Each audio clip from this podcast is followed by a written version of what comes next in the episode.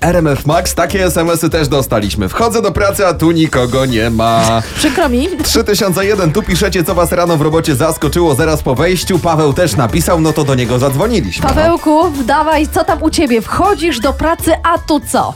I z sufitu trochę pokapało. Z sufitu Z troszeczkę sufitu? mu pokapało. Trochę pokapało, ale co to się wydarzyło? Sąsiad nad wami zaczął ćwiczyć i się spocił? Y, Nie, nie. Wydaje, wydaje mi się, że to y, jakiś błąd techniczny po prostu kładzenia dachu. A, czyli nie ma Może- sąsiada nad wami.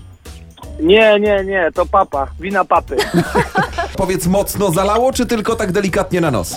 Y, Znaczy na nos, no jakiś tam strat nie ma, ale jest mokro. Orzeźwiający prysznic. Niektórzy patrząc na to, co się dzieje w pogodzie, mówią, że to nawet jest wiosenny deszcz, od tego się rośnie.